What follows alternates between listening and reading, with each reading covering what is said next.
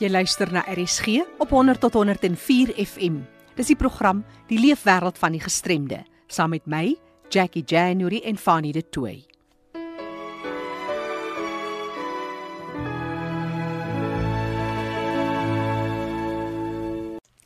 En net 'n woord van dank en waardering aan kollegas Susan Stein en Christel van Tonder wat die program aan die gang gehou het in my afwesigheid. Maar nou eers ons nuus en inligtingspulsatie. Die Karel de Tooy Sentrum in Kaapstad hou jaarliks 'n inligtingsdag vir professionele mense. Die doel hiervan is om professionele mense bewus te maak van gehoorverlies in kinders en vanjaar op die 31ste Augustus is die tema 'n balancing act. Dr Louis Hofmeyer, 'n audioloog en fisioterapeut, vertel meer oor balans en vestibulêre probleme in kinders en hoe dit gepaard gaan met gehoor. Stel jy belang in die Karel de Tooy Sentrum Kaapstad se inligtingsdag? Kontak vir Sorida Boysen. Telefoonnommer 021 938 5303. Ek herhaal 021 938 5303. Met minder as 2 maande voor vanjaar se loslede op 7 September, wil ons vir jou sê, maak gereed om 'n held te wees saam met persone met gestremthede. Vanjaar word alledaagse helde gevier wat 'n samelewing skep waarin almal welkom is, selfs persone met gestremthede. Gemaak 'n draai op die webtuiste www.casualday.co.za vir meer inligting en besonderhede en om uit te vind waar jy jou R10 plakker en ander bykomstighede kan kry. Jy kan ook 'n e-pos stuur vir meer inligting na info@casday.co.za. Die Nelson Mandela Bay Vereniging vir persone met gestremthede bied op 19 Oktober 'n golfdag by die Port Elizabeth se golfklub aan. Besprekings kan gedoen word, ondersteun hulle gerus. Kontak vir Marie Sinhitch by 084 586 7704. Ek herhaal graag Marie se telefoonnommer 084 586 7704.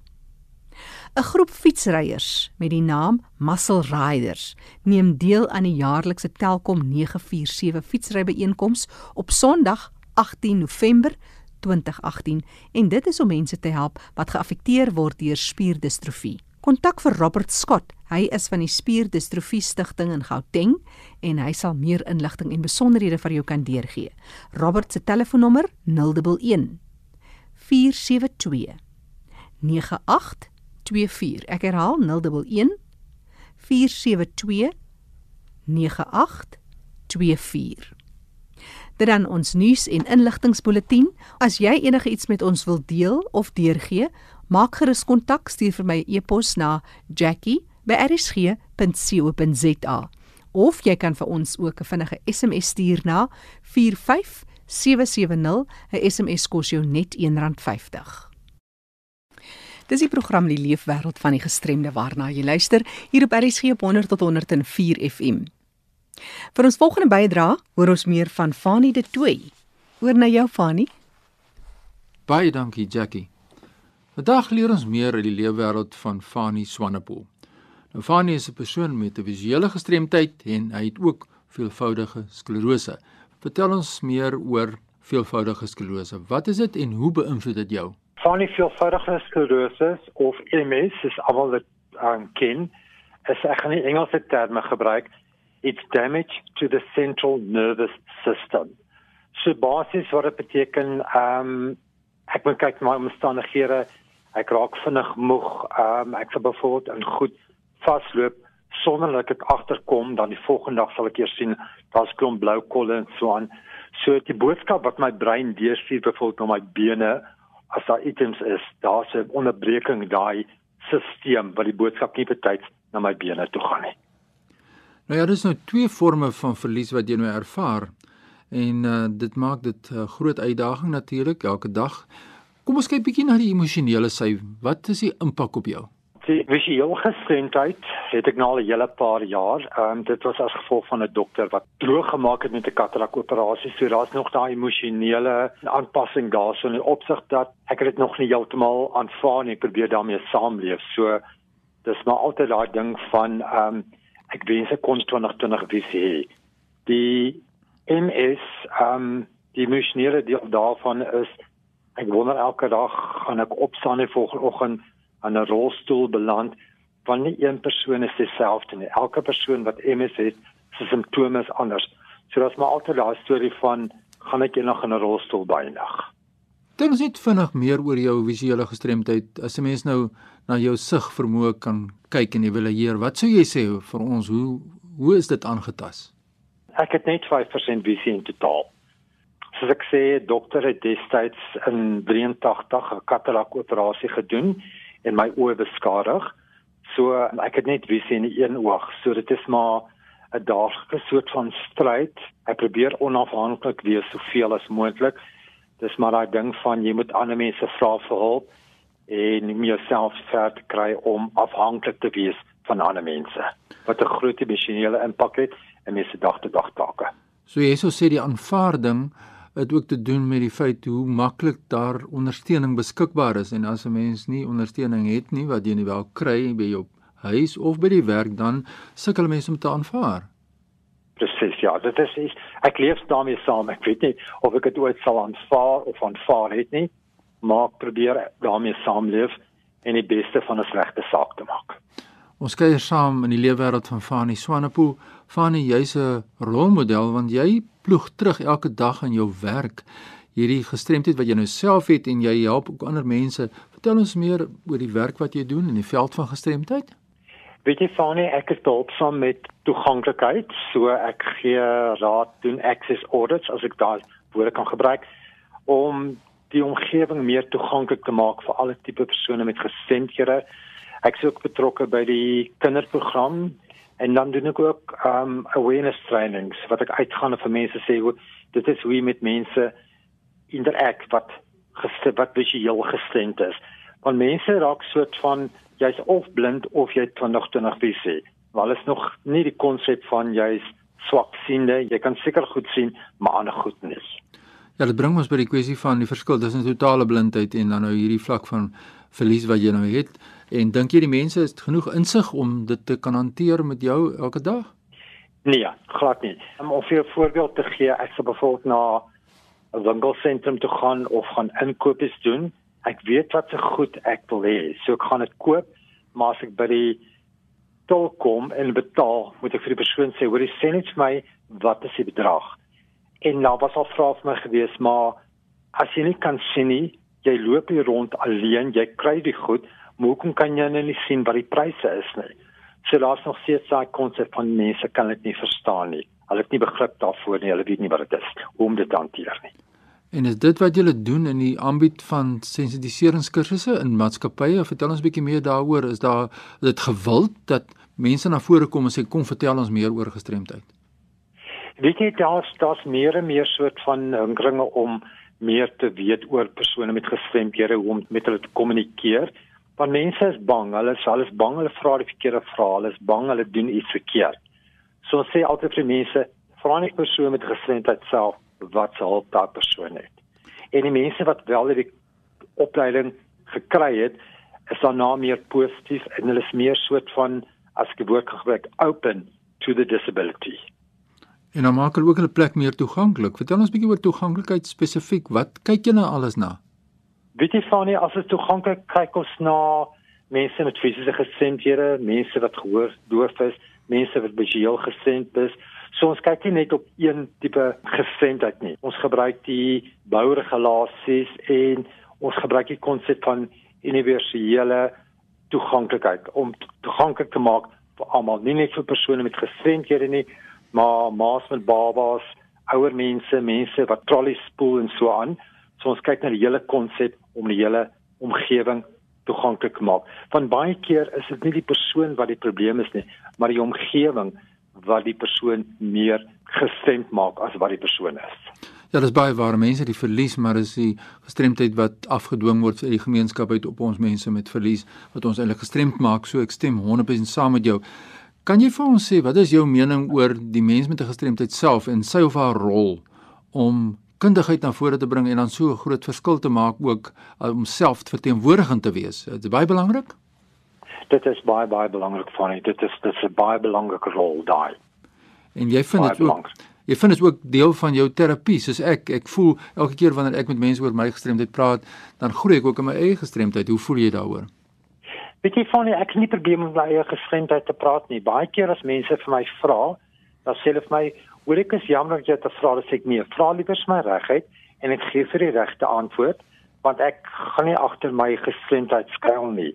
My uitkyk in die lewe is my lewe beheer my gestremdheid. My gestremdheid gaan nie my lewe beheer nie. So as mense nie seker is nie, vra vir my regtig en ek gee hulle regte antwoord en daardeur weet ek die regte boodskap kom uit in die omgewing. Nou kom ons vat saam. Ek wil graag by jou hoor as daar 'n paar dinge wat jy nou vir ons in die breë gemeenskap kan sê. Ons kyk na jou vorm van verlies is nou 'n praat van meevoudige sklerose. Ons kyk na visuele gestremdheid. Wat moet mense nie doen nie of wat jy uitvind wat mense doen en wat raad kan jy gee? Die eerste ding is visueel gestremd. As ek 'n winkelsentrum gaan loop, gebruik ek my white cane. En mense is so behept met hulle selfone. Hulle kyk meer op hulle selfone. So 9 uit 10 keer loop hulle my vas. Daar was al gevalle gewees dat mense op my geskree het om te sê ek moet kyk waar ek loop, maar ek meen ek loop met 'n wit cane. So dit moet aanduiding te wees dat ek visueel gestremd. So mense gee nie eintlik hulle so behep met hulle selfone. Dis ehm um, die sklerose, dit is maar net die omgewing. Ek kan nie in 'n warm plek werk nie, so ek word vinnig moeg. Ek kan nie lang afstande loop nie.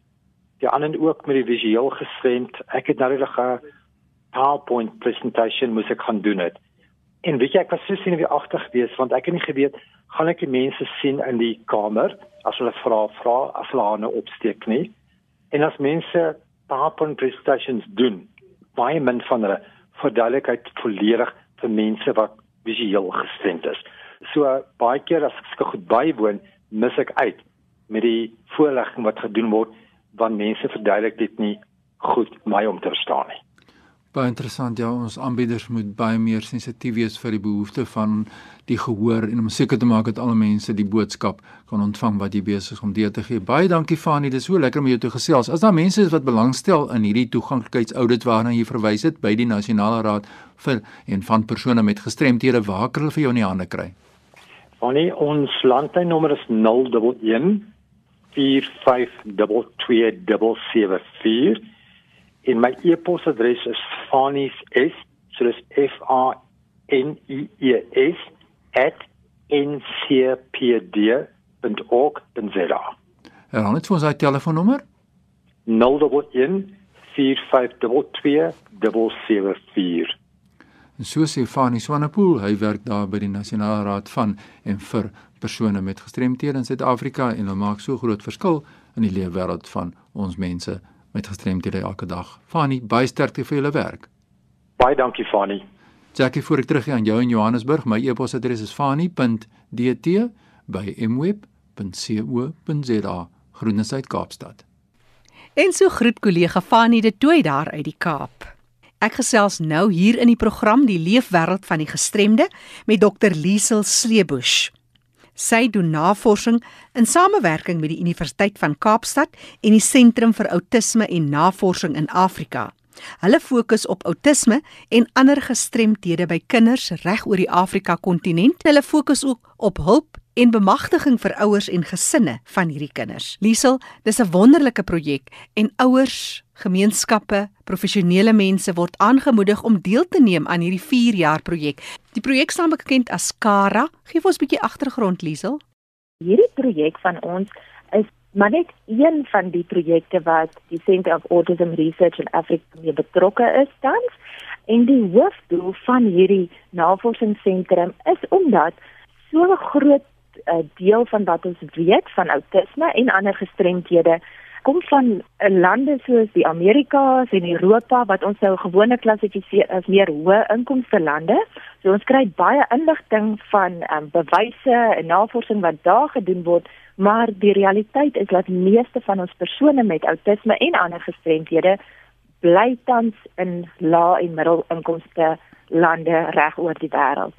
So die ons sentrum wat nou spesifiek navorsing doen in Afrika is se uh, hoofdoel is om in Engels is die woord nou gap, maar die hmm. tekort aan plaaslike navorsing in ons plaaslike konteks te oorbrug sodat ons weet wat gaan aan um, en wat kan ons help en watse tipe intervensies kan ons doen. Maar hierdie een spesifiek is deel van 'n wêreldwye projek van die Wêreldgesondheidsorganisasie waarmee as 33 lae en middelinkomste lande tans navorsing doen op 'n vaardigheidsprogram vir ouers van kinders met ontwikkelingsgestremthede en dit sluit in kinders met outisme. Daar's meer bewuswording, daar's bietjie meer mense wat kinders met outisme kan diagnoseer, maar die realiteit is ook dat daar soveel werk wat nodig is om seker te maak dat die diagnostiese instrumente wat ons gebruik laat dit toepaslik is in ons konteks. Baie van die kinders wat ons nou sê kinders met outisme en ander ontwikkelingsgestremthede, is kinders wat nie gediagnoseer word nie. Mm. En hierdie program is reeds vir ouers waar ons net kan sien dat daar rooi vlae is vir ontwikkelingsagterstande en dan op 'n manier hierdie ouers kan help met om hulle te leer van vaardighede soos kommunikasie en om 'n bietjie meer interaksie met hulle kind te hê sodat ons kan help met kinderontwikkeling. Die idee van hierdie ehm um, projek is dat daar hoef nie 'n spesifieke diagnose te wees nie, maar ouers kan onmiddellik dan toegang kry tot 'n vaardigheidsintervensie. Wat is vir jou van die goeters wat jy sien al hoe meer na vore kom waar of ouers dit ignoreer of miskien net omdat hulle nie goed voorberei het, hulle nie vermoë om dit te sien omdat hulle dit nie kan uh, verbind aan aan byvoorbeeld iets soos 'n ontwikkelingsgestremdheid Um, as ek nou net vat um, plaaslik maar die families waarmee ons gesels en goed dan dink ek is die grootste ding wat ouers sien en opmerk is die feit dat hulle kind nie praat en kommunikeer soos ander kinders wat 'n uh, normale ontwikkeling het nie.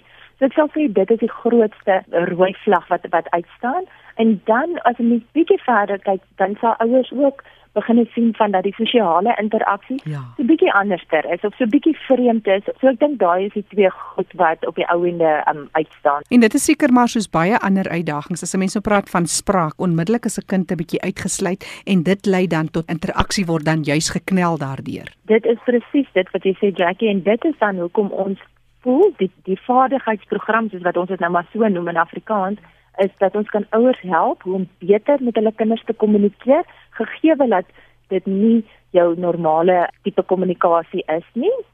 En dan die tweede belangrikste ding is laat ons kan help dat ons groter verskeidenheid van leer geleenthede kan skep en dit is sommer binne die alledaagse roetines. 'n Anderste manier om vir ouers te help om interaksies met die kind te hê terwyl hulle aangaan met alles wat deur die dag moet gebeur wat families moet doen. Soos wat? Wat sê jy vir ouers vertel wat moet hulle doen? Dit is 'n so eenvoudige goeie soos byvoorbeeld as dit nou aantrektyd is en die kinders het gewoonlik hulp nodig om aan te trek, dan begin ons by iets soos 'n eenvoudige keuse van miskien twee verskillende hempies wat die ouers dan wys en hulle wag totdat die kind 'n indikasie gee van watter een kies hy in plaas van wat ons sommer net besluit gaan klere uit die kas uit trek gaan vinnig aan en woeps daar's ons klaar met die rotine.